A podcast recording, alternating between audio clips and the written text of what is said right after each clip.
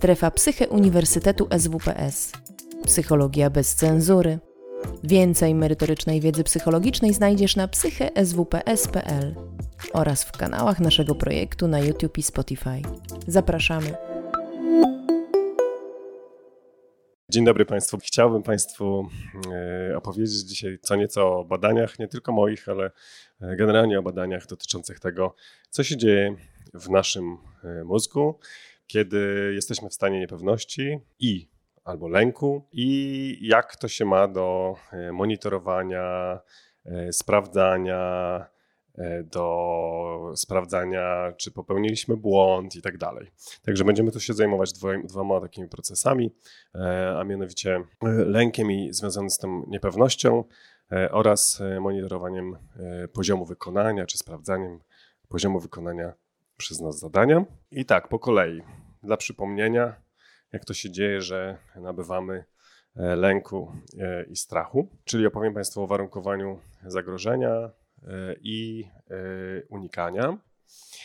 E, później troszkę opowiem o tym, jak dobrze i sprawnie można zbadać reakcję mózgu.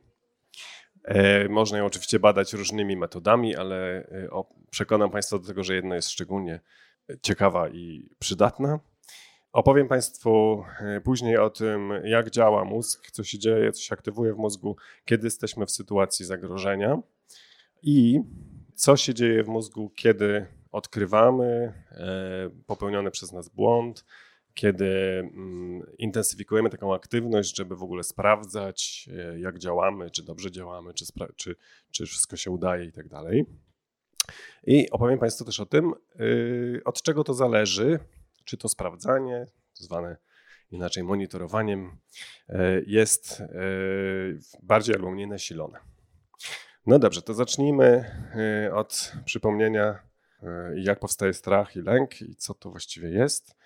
E, wiemy bardzo dobrze, że e, reakcja strachu to jest reakcja na jakieś konkretne zdarzenie, bodziec albo sytuację, którą mamy przed oczami, czasem słyszymy, czasem również odczuwamy w ciele, tak? bo reakcja na to, że boli nas w klatce piersiowej e, i myślimy o tym, że to może być zawał, to też jest w sumie reakcja strachu, bo ból jest bodźcem. I teraz, jak to się dzieje, że, e, że w ogóle nabywamy coś takiego jak strach? E, no to trzeba to zacząć od warunkowania zagrożenia, a mianowicie z prostych badań na szczurach wiemy o tym, że jeśli szczura umieścimy w pomieszczeniu, w którym jest taka mat, podłoga e, czy podłoże, które można stymulować prądem. To jest dla e, szczura wtedy bodziec bezwarunkowy, zagrażający. I jednocześnie w trakcie stymulacji prądem puszczamy e, dźwięk z głośnika. To ten dźwięk z głośnika staje się bodźcem zagrażającym, czyli bodźcem warunkowym zagrożenia. I właściwie w ten sposób nabywamy wszyscy to nie, to nie tylko jedyny sposób, w jaki nabywamy wszyscy strachu, e, ale to o tym za chwilę. E, natomiast e, co się dzieje, jeśli szczur ma możliwość uniknięcia? W tym przypadku ma drzwiczki, nie drzwiczki, właściwie nawet dziurę w ścianie i może uciec. Tak? Oczywiście dzięki temu to jest tak zwane wzmocnienie negatywne, czyli może uniknąć czegoś niedobrego, nieprzyjemnego, co staje się później nawykiem. Tak? W przypadku e, strachu i lęku e, nawyk unikania jest tak naprawdę na tyle niebezpieczny, że jak Państwo widzicie, temu szczurowi właściwie nic się nie dzieje, e, a on ucieka przed dźwiękiem, to znaczy przed bodźcem warunkowym i de facto dźwiękowi nie musi już towarzyszyć bodziec bezwarunkowy, jakieś zagrożenie, a tak czy siak będzie, będziemy go unikać. W tym przypadku szczur będzie go unikał, E, i nikt w życiu nie sprawdzi, tak naprawdę, czy faktycznie ten dźwięk nadal jest skojarzony z zagrożeniem. Jakie struktury są najistotniejsze dla uczenia się, dla pamięci e, zagrożenia? E, tak naprawdę to Państwo pewnie wiecie, ciało migdałowate, które tutaj odgrywa znaczącą rolę. Natomiast za uczenie się unikania mamy istotne połączenia między ciałem migdałowatym a jądrem półleżącym i skorupą. Także to są takie struktury, bardzo, bardzo pierwotne struktury, e, które właściwie występują e, no, też u naszych trochę mniej rozwiniętych, jak to powiedzieć, gatunków i one aktywują się właśnie, kiedy następuje ten proces warunkowania zagrożenia, ale też nabywania tego, tej reakcji unikającej. No tak, ale to u szczurów. To teraz co zrobić u ludzi? Czy to właśnie to samo? Czy w sensie, czy te same mechanizmy działają? No, u szczurów istnieje taki plus, można powiedzieć, że można je badać, nawet implementując elektrody do mózgu, albo później po na przykład warunkowaniu sprawdzać, co tam za białka się wydzieliły e, w ciele migdałowatym czy w jądrze poleżącym. Natomiast no, tego raczej nie zrobimy. E, w związku z tym, jak to badać? Tak? Istnieje oczywiście wiele narzędzi neuronaukowych. Będę Państwa przekonywał, że to jest najlepsze, e, czyli EEG, elektroencefalografia. Dlaczego jest najlepsze? Dlatego, że możemy w miarę dokładnie monitorować, co się dzieje w mózgu i mamy dosyć, dosyć to się nazywa rozdzielczość czasowa, czyli dość, dość dokładnie możemy sprawdzić, co kiedy zdarzyło się w mózgu. I na czym polega EEG? EEG tak naprawdę bada taką aktywność elektryczną, która powstaje e, wtedy, kiedy neurony są aktywne. Tak? Mamy wymianę e, jonów na błonie komórkowej pomiędzy błoną, wnętrzem komórki a zewnętrznym płynem komórkowym e, i tak naprawdę tą zmianę napięcia w wielu, wielu różnych, wielu, wielu neuronach, bo to z jednego neuronu tego nie zbadamy, w wielu neuronach jesteśmy w stanie badać na czaszce, i yy, wyobraźcie sobie Państwo, że czy ktoś kiedyś miał, był na badaniu EEG? No to już część z Państwa wie, jak to wygląda. Wyobraźcie sobie Państwo, że siedzicie z, takim, z taką siatką, tu w tym przypadku siatką elektrod na głowie i na ekranie macie prezentowane jakieś bodźce. Na przykład weźmy sobie, niech to będą zdjęcia twarzy. Tak?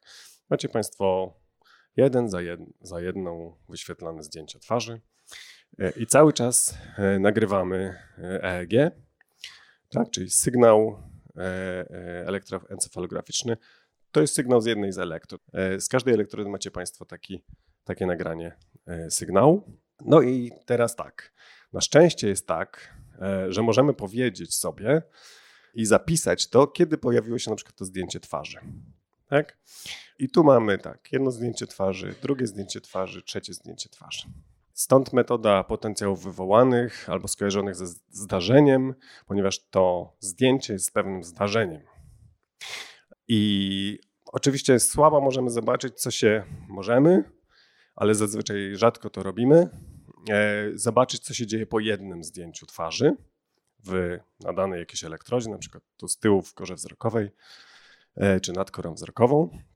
Natomiast e, bardzo chętnie bierzemy te, pokazaliśmy 20 zdjęć twarzy, bierzemy te wszystkie 20 zdjęć twarzy i dzielimy ten sygnał EEG na takie fragmenty skojarzone z tym momentem, w którym ta twarz się pojawiła na, na monitorze. I mamy powiedzmy takich odcinków 20 sekundowych, E, które zaczynają się od zera, czyli w momencie, kiedy pojawiła się twarz e, i je sobie uśredniamy. To są te nasze odcinki, je sobie e, uśredniamy i wtedy powstaje te wszystkie takie uchyłki, można powiedzieć, drobne, one się uśredniają i powstaje tak zwany potencjał wywołany. Na każdej elektrodzie mamy, on ma inny kształt. Ten potencjał wywołany ma różne pozytywne albo E, negatywne. Zawsze się ze mnie koledzy śmieją, bo nazywam to uchyłkami. E, ale komponenty, to się nazywają komponenty. Tutaj na przykład mamy taki komponent, tak, który jest zwany P1, to jest pierwszy komponent pozytywny, czyli pierwszy taki pozytywny e, uchyłek od momentu, kiedy pojawiło się zdjęcie. Tutaj pojawia się zdjęcie i teraz obserwujemy, to jest na przykład elektrody właśnie z tyłu jednej, obserwujemy, co średnio się dzieje po tym, jak pojawiło się to zdjęcie twarzy i po 100 milisekundach mniej więcej e, mamy, zaczyna się ten komponent e, P1 i on ma różne właściwości. On może być, mieć wyższą albo niższą tak zwaną amplitudę, tak? Tu mamy amplitudę, czyli może być wyższy albo niższy. E, I to nam świadczy coś o różnych procesach w mózgu. Tych komponentów jest wiele. One na zasadzie trochę takiego prób i błędów e, wiemy mniej więcej, co one oznaczają. Tak? No dobrze, to teraz po co nam to w ogóle wszystko? E, pokażę Państwu wyniki takiego badania, które przeprowadziliśmy już jakiś czas, czas temu, e, które właśnie, na których właśnie obserwowaliśmy ten komponent P1, który pojawia się tutaj w korze wzrokowej właśnie po 100 milisekundach, jak się pojawi bodziec. I teraz kogo badaliśmy? Badaliśmy e, hematofobików, to są tacy, co się boją krwi i iniekcji. E, arachnofobików to tacy, co się boją pająków. E, I też osoby kontrolne były.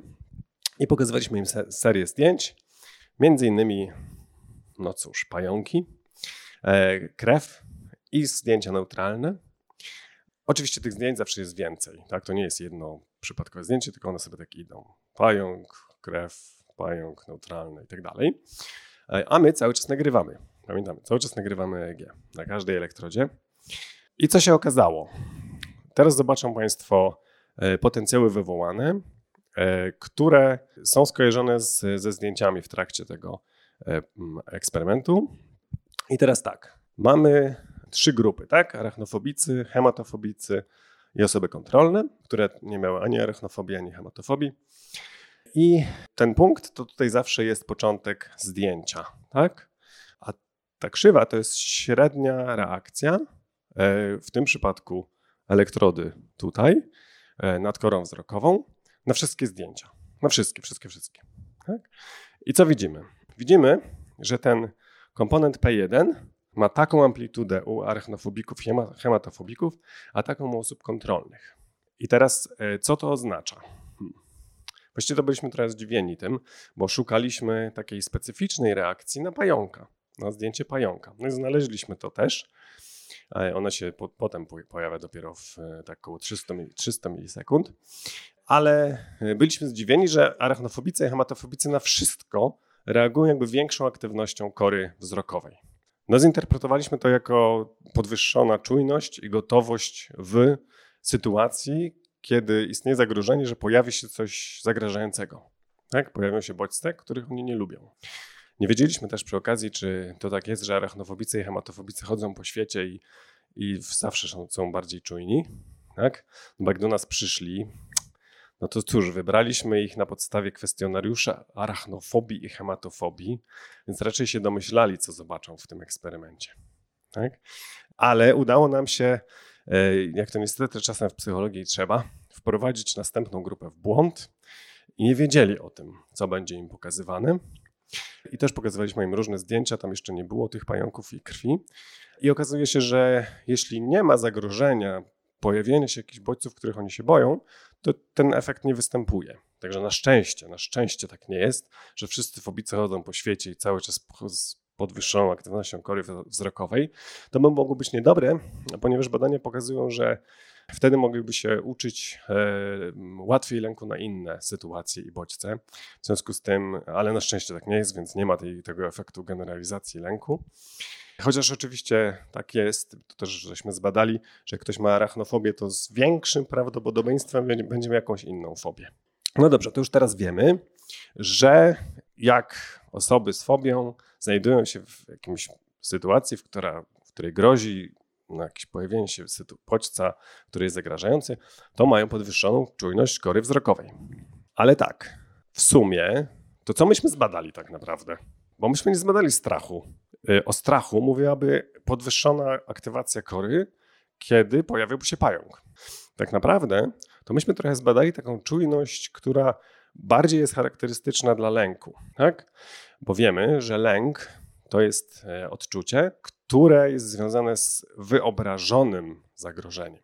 Strach to jest odczucie, e, emocja, która jest związana z tym, co się pojawia, e, z tym, z czym mamy kontakt, natomiast lęk z tym takim wyobrażonym zagrożeniem. No więc to, co żeśmy właściwie zbadali tym podwyższonym P1, E, no to, był taki, to było takie oczekiwanie, taki lęk oczekiwania tego, że za chwilę coś pojawi się niebezpiecznego.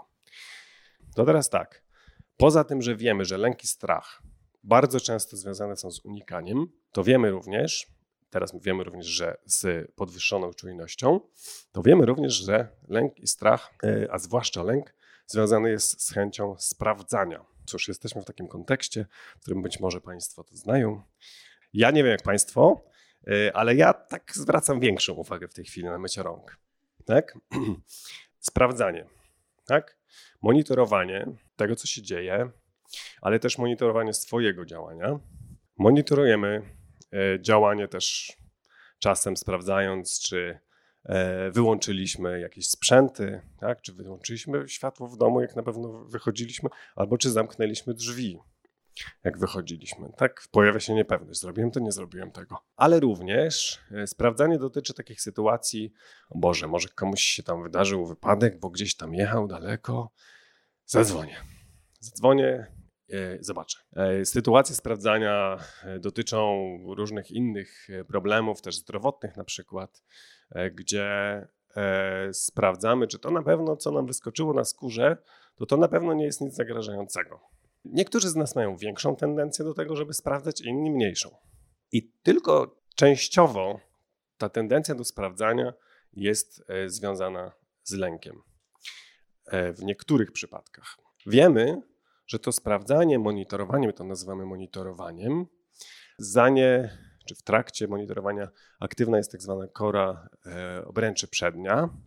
To jest oczywiście frag jeden fragment, który jest aktywny, ale bardzo mocno. E, no bo nie, ja tu mówię o takich różnych strukturach, które są aktywne. Musicie Państwo pamiętać, że to tak nie jest, że to tylko jakaś część mózgu jest aktywna, a inne nie. E, ale te akurat z większym prawdopodobieństwem w takich sytuacjach, w których sprawdzamy, są e, ta akurat aktywne. To jak teraz badać to monitorowanie w laboratorium?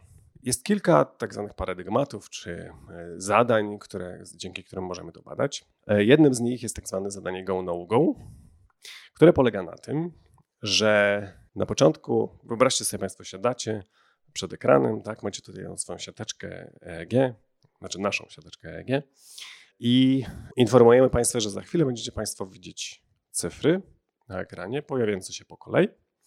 Na większość z nich musicie Państwo klikać e, przyciskiem, nie wiem, czy to na klawiaturze, czy myszkę, czy, czy, e, czy jakikolwiek inny sprzęt. Ale na 2 i 1, jak się pojawi 2 i 1, to nie możecie Państwo kliknąć. No i problem polega na tym, że tych, po których należy kliknąć, jest dużo więcej aniżeli tych, po których należy wycofać klikanie. Więc to jest dość trudne zadanie, kiedy Państwo jesteście w takim, wiecie, Państwo e, stylu, no dobra, to będę teraz klikał. Trudne zadanie, żeby wycofać tą reakcję. I po pierwsze, tak naprawdę badamy tutaj proces hamowania, czy jesteście Państwo w stanie zahamować tą reakcję, ale też taki proces właśnie monitorowania, to znaczy, co się dzieje, jak popełnię błąd. My liczymy na to, że Państwo popełnicie błędy. Nawet utrudniamy to czasami szczególnie, bo chcemy zobaczyć, co się dzieje w mózgu po błędzie. Więc jak mamy takie osoby badane, zdarzają się niestety takie, które nie popełniają błędu, to jesteśmy bardzo zmartwieni. Bo wtedy jakby nie mamy aktywności po błędzie. Możemy y, również y, taką wersję tego zadania, tak zwany monetary go no go, czyli możemy powiedzieć osobom y, badanym, że jak popełnią błąd, czyli nacisną na no-go, to yy, zabierzemy im jakieś pieniądze, albo że jak będą sobie dobrze radzić, to im damy jakieś pieniądze. Tak? Czyli yy, dajemy im na końcu informację zwrotną, straciłeś albo zyskałeś, w zależności od tego, to najlepiej robić to w takich różnych warunkach eksperymentalnych. Jeden warunek, w którym jest, że straciłeś. Jak będziesz popełniał błąd, to będziesz tracił. A w drugim warunku, jak będziesz sobie dobrze radził, to będziesz zyskiwał pieniądze. Bardzo to się cieszy dużym zainteresowaniem studentów, to e, zadanie. Ale co się dzieje e, w e, mózgu, kiedy popełnimy błąd? Mamy takie dwie tutaj krzywe. Tutaj jest moment popełniania błędu. Wiemy, kiedy popełniamy błąd, bo to nam też się na sygnale zapisuje. Tak? Ten moment popełniania błędu. I teraz tak, po odpowiedziach błędnych, czyli ta różowa krzywa, pojawia się tak zwana negatywna fala błędu tak? Y, czyli taki komponent o ujemnej amplitudzie. Natomiast po mm, odpowiedziach poprawnych nie ma tej negatywnej fali błędu, albo jest dużo niższa. I ta negatywna fala błędu jej amplituda, znowu, zależy od różnych czynników. Albo od czynników takich osobowościowych, o których też troszkę dzisiaj powiem, e, ale też od czynników sytuacyjnych. I teraz, ponieważ mówimy o niepewności i lęku, i chciałbym Państwu powiedzieć o tym, jak e, lęk wpływa na przetwarzanie błędu, tak, na monitorowanie tego naszego działania, e, tego klikanda tu w tym przypadku, to jedno z badań na dzieciach akurat wskazuje na to, że dzieci z niskim lękiem to jest negatywna fala błędu. To jest jakby odpowiedź po błędzie. To również dzieci z niskim lękiem mają e, mniejszą tą negatywną falę błędu niż dzieci z wysokim lękiem. Czyli jest to jakoś związane z, mm, z taką cechą e, tej grupy, tych grup.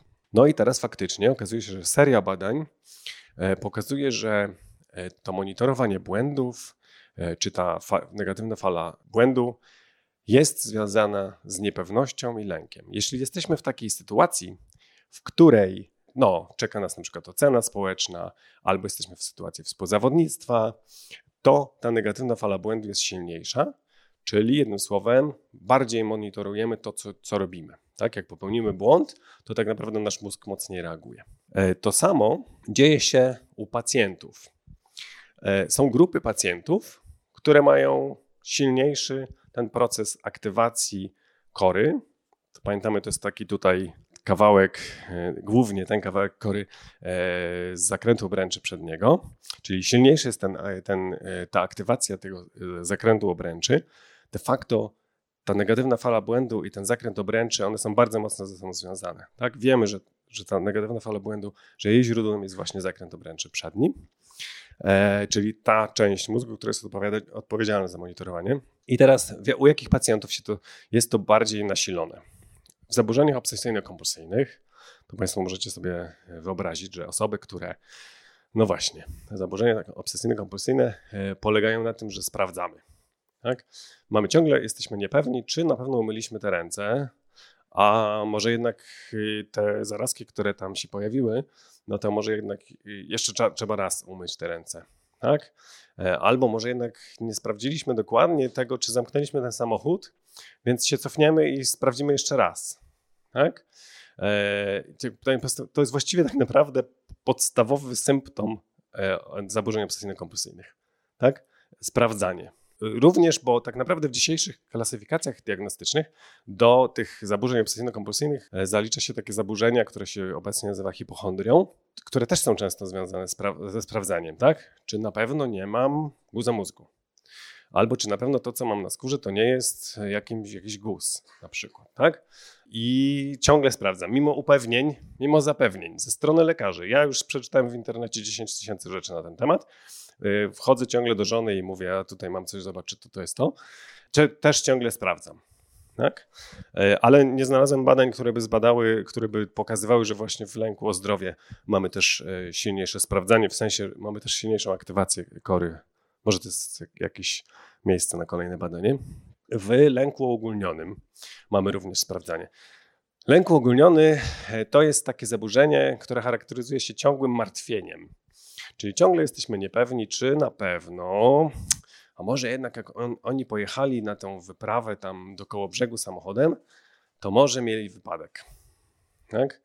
Albo, kurczę, no ale teraz tak, może jednak ten, jak jechałem dzisiaj pociągiem do Warszawy, to siedziałem tam, to był pociąg z Berlina, na pewno tam ktoś był zarażony koronawirusem. Tak? E, jakby to są takie też typowe e, myśli, E, związane z zaburzeniem lęku uogólnionego. I też, chociaż w mniejszym stopniu, są, są e, związane ze sprawdzaniem.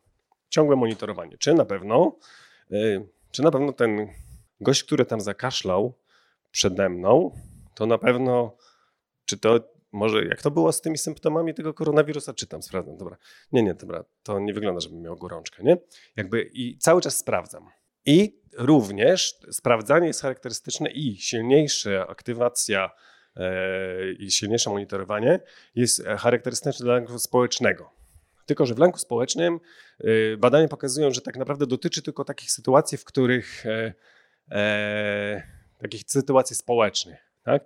Czyli jeśli na przykład wykonujemy jakieś zadanie, to nasze go no wykonujemy i wykonujemy je sami, to nie ma silniejszego monitorowania, ale jak siedzi obok nas rówieśnik obcy nam, to wtedy pojawia się silniejsze e, monitorowanie. Tak? Czyli to, to już takie bardziej specyficzne jest. Ale co ciekawe, również okazało się, że intensywniejsze przetwarzanie błędów e, obserwuje się u krewnych pacjentów, w tym przypadku pacjentów z zaburzeniami obsesyjno-kompulsyjnymi, czyli takich, którzy nie mają obsesyjno-kompulsyjnego zaburzenia, ale są jakoś z nimi, z tymi osobami, pacjentami e, spokrewnieni. To było u e, rodzeństwa jedno badanie, a drugie badanie u rodziców. Czyli mamy tutaj też taką wskazówkę, że jest to jakiś rodzaj no nie chcę powiedzieć, że to jest dziedziczone, bo to oczywiście nie, nie jest y, jakoś tam udowodnione, y, ale mamy jakoś jakieś podobieństwo, czy jakiś rodzaj ryzyka tak naprawdę być może istnieje w grupie, y, która jeszcze tego nie ma, ale ma być może jakieś tendencje do tego, żeby mieć zaburzenia obsesyjno-kompulsyjne. Dobra, to teraz tak podsumowanie numer jeden. W procesie warunkowania uczymy się reakcji strachu i lęku, przy czym reakcja strachu i lęku różnią się od siebie. Mianowicie strach to jest emocja, która odczuwana jest w zetknięciu z konkretnym bodźcem albo sytuacją, a lęk to jest e, taka emocja, która jest odczuwana e, też w kontekście zagrożenia, ale wyobrażonego, zazwyczaj wyobrażonego zagrożenia. I teraz co wiemy? Gdy odczuwamy lęk i niepewność, to na pewno mamy większe pobudzenie kory, które jest, jakby wskazuje na zwiększoną, zwiększoną czujność ale też nasilamy monitorowanie i sprawdzanie. E, I to pokazują te badania, które Państwu pokazałem. Nadmierną czujność generalnie odczuwamy w zaburzeniach lękowych. Natomiast w niektórych zaburzeniach lękowych aktywujemy e, nadmierne monitorowanie i sprawdzanie. I tutaj właśnie na przykład zaburzenia obsesyjno-kompulsyjne czy lęk uogólniony. No ale tak, mamy podwyższone monitorowanie i sprawdzanie, ale czy istnieją takie problemy, czy takie cechy osobowości, e, w których monitorowanie jest słabsze? Być może nawet za słabe. Hmm. Wiemy o tym, że najprawdopodobniej tak jest e, w grupach e, osób uzależnionych, w ogóle w grupach osób, które są, mają wyższy poziom impulsywności, ale też na przykład w ADHD. Hmm. Myśmy wzięli na warsztat taką grupę o której można by się tego nie było spodziewać na początku, że tak będzie, e, bo raczej wskazuje się na to, że ta grupa jest związana też z wysokim lękiem przed porażką, e, z niskim poczuciem własnej skuteczności i tak dalej. No aleśmy się sami zaskoczyli. Prokrastynacja, czyli zależne od naszej woli odkładanie e, niezbędnych do wykonania lub istotnych dla nas osobiście zadań, których niewykonanie będzie się wiązało z negatywnymi konsekwencjami.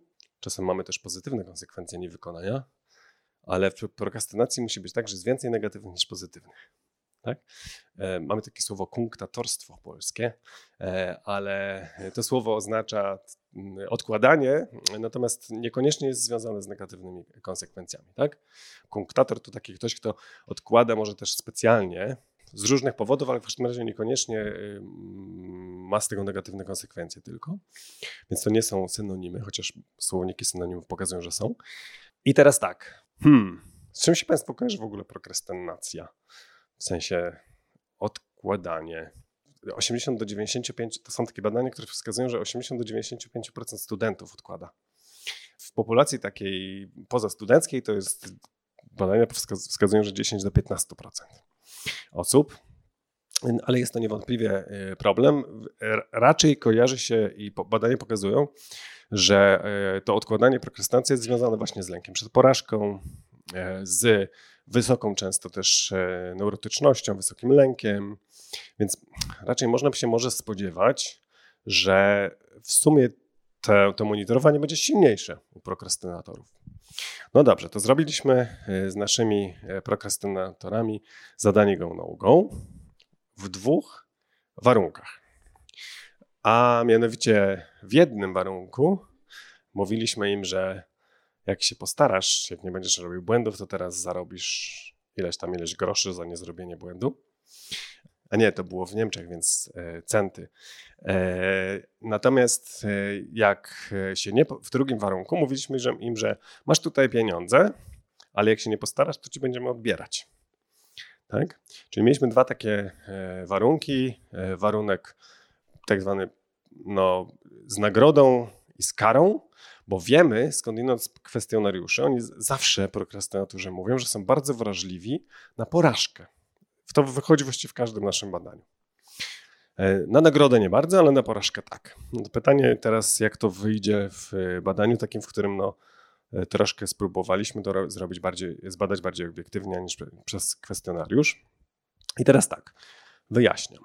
E, to jest uśredniona amplituda tej fali negatywnej błędu, czyli tak naprawdę im bardziej negatywne, tym większe monitorowanie błędu czyli większe sprawdzanie, można powiedzieć, e, albo silniejsza reakcja na błąd.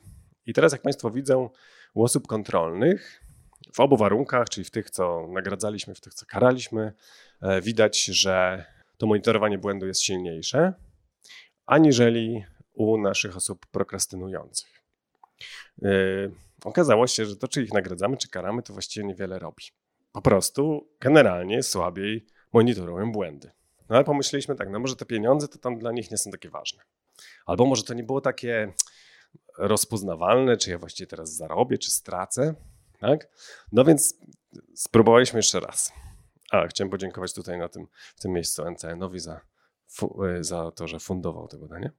Tak, spróbuj, spróbowaliśmy jeszcze raz, a mianowicie zrobiliśmy jeszcze raz to samo zadanie, tylko tym razem mówiliśmy im, nie daliśmy, stwierdziliśmy, że nie, nie mamy już pieniędzy, więc nie daliśmy im, nie dawaliśmy im pieniędzy. E, i, ale mówiliśmy tak. W jednym warunku eksperymentalnym mówiliśmy, super ci idzie, lepiej aniżeli takiej średniej osobie w, w tym badaniu. A w drugim warunku eksperymentalnym mówiliśmy, hmm, postaraj się bardziej, bo tak trochę jesteś poniżej przeciętnej. Tak?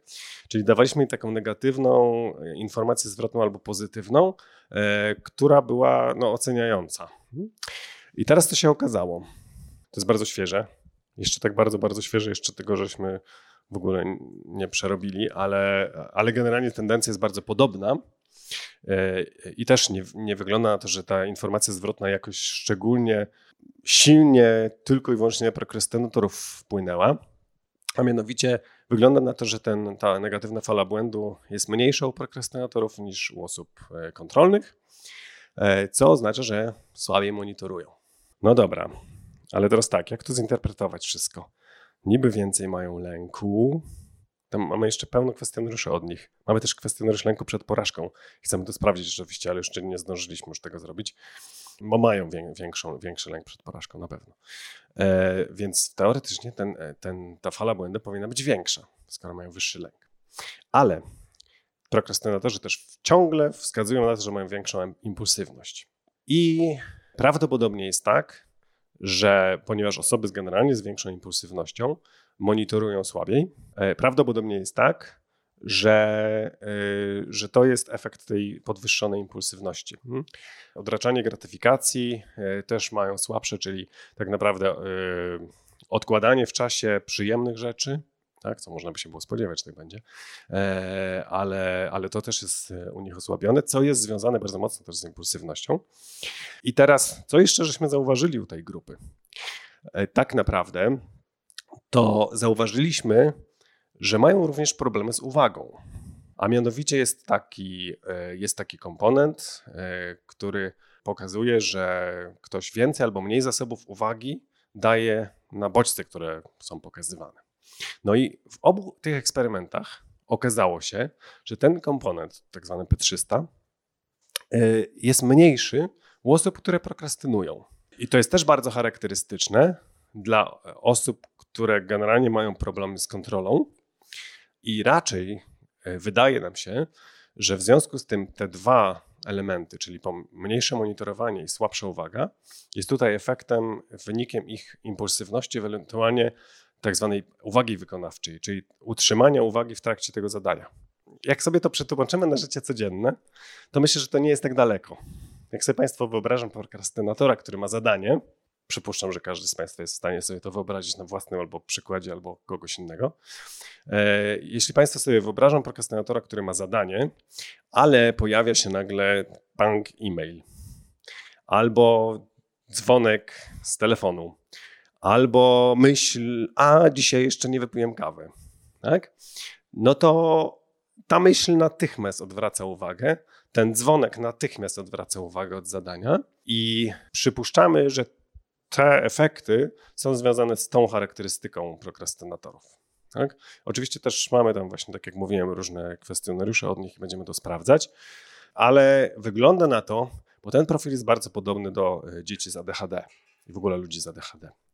Wygląda na to, że prokrastynacja i ADHD mają coś ze sobą wspólnego, jeśli chodzi o mechanizmy takie poznawcze i neuronalne.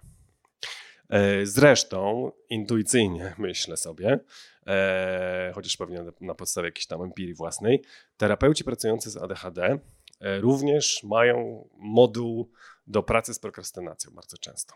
I kiedyś byliśmy na konferencji, jest takie konferencja prokrastynatorów co dwa lata.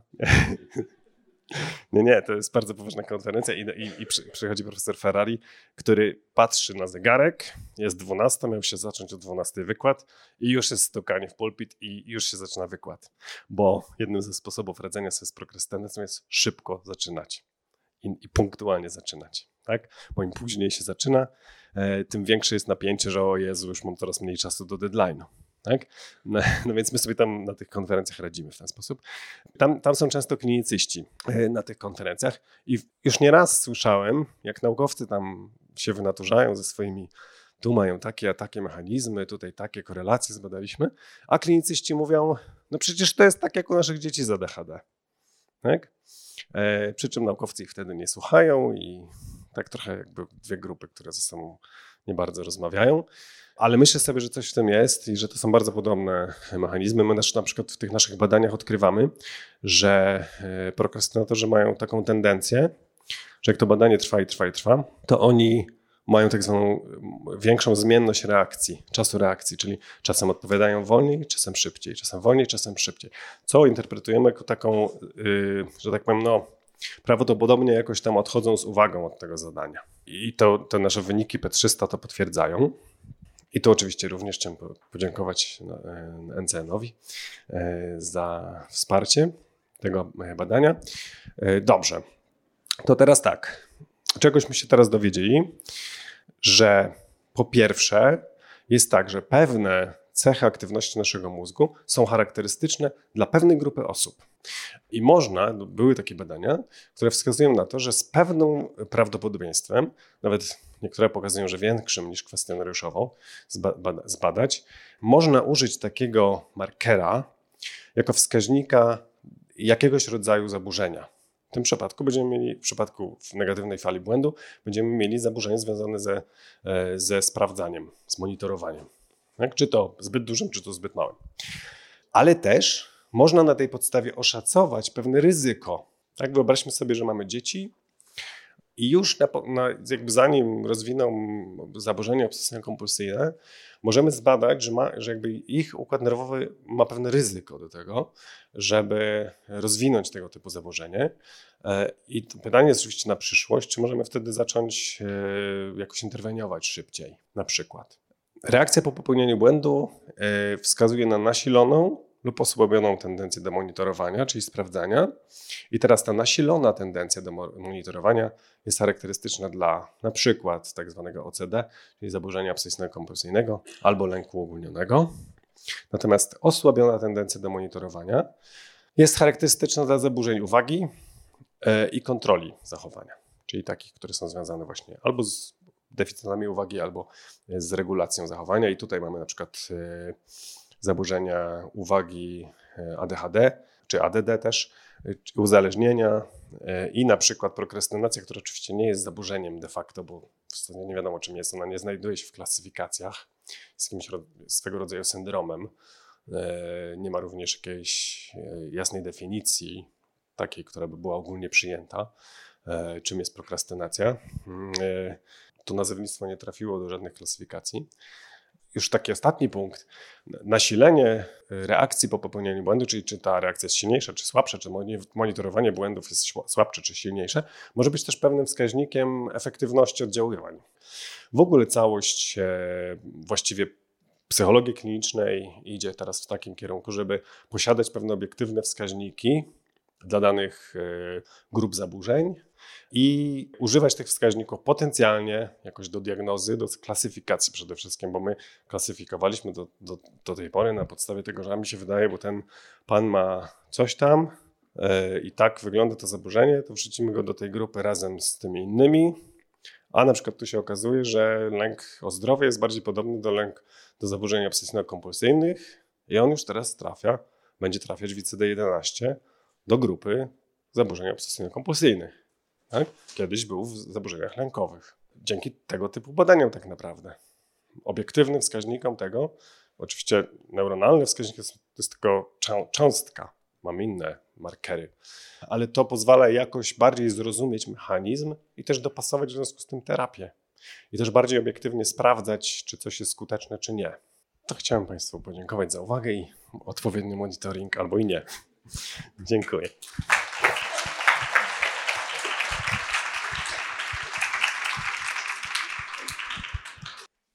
Jakie są skutki takiego nadmiernego monitorowania przez mózg, y, czy jeśli jakieś są? Długofalowo, na przykład przy zespole lęku uogólnionego.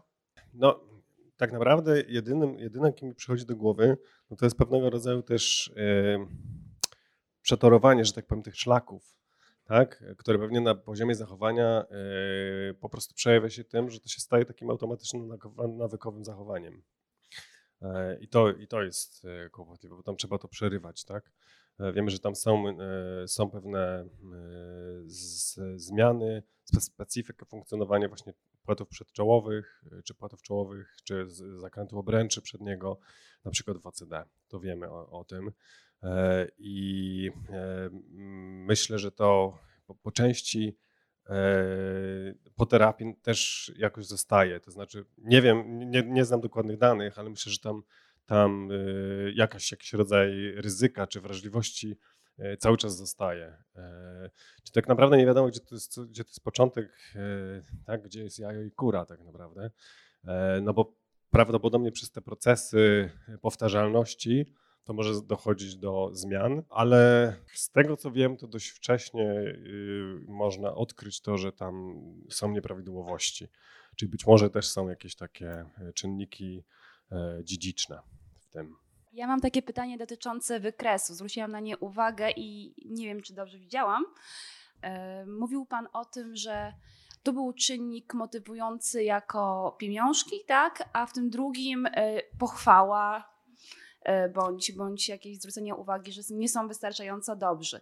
I teraz moje pytanie jest, czy nauka idzie w kierunku szukania takiego czynnika negatywnego bądź pozytywnego, który pozwoli tym ludziom z syndromem prokrastynacji być na równi z, z tą osobą kontrolną, grupą kontrolną? Taką mieliśmy nadzieję.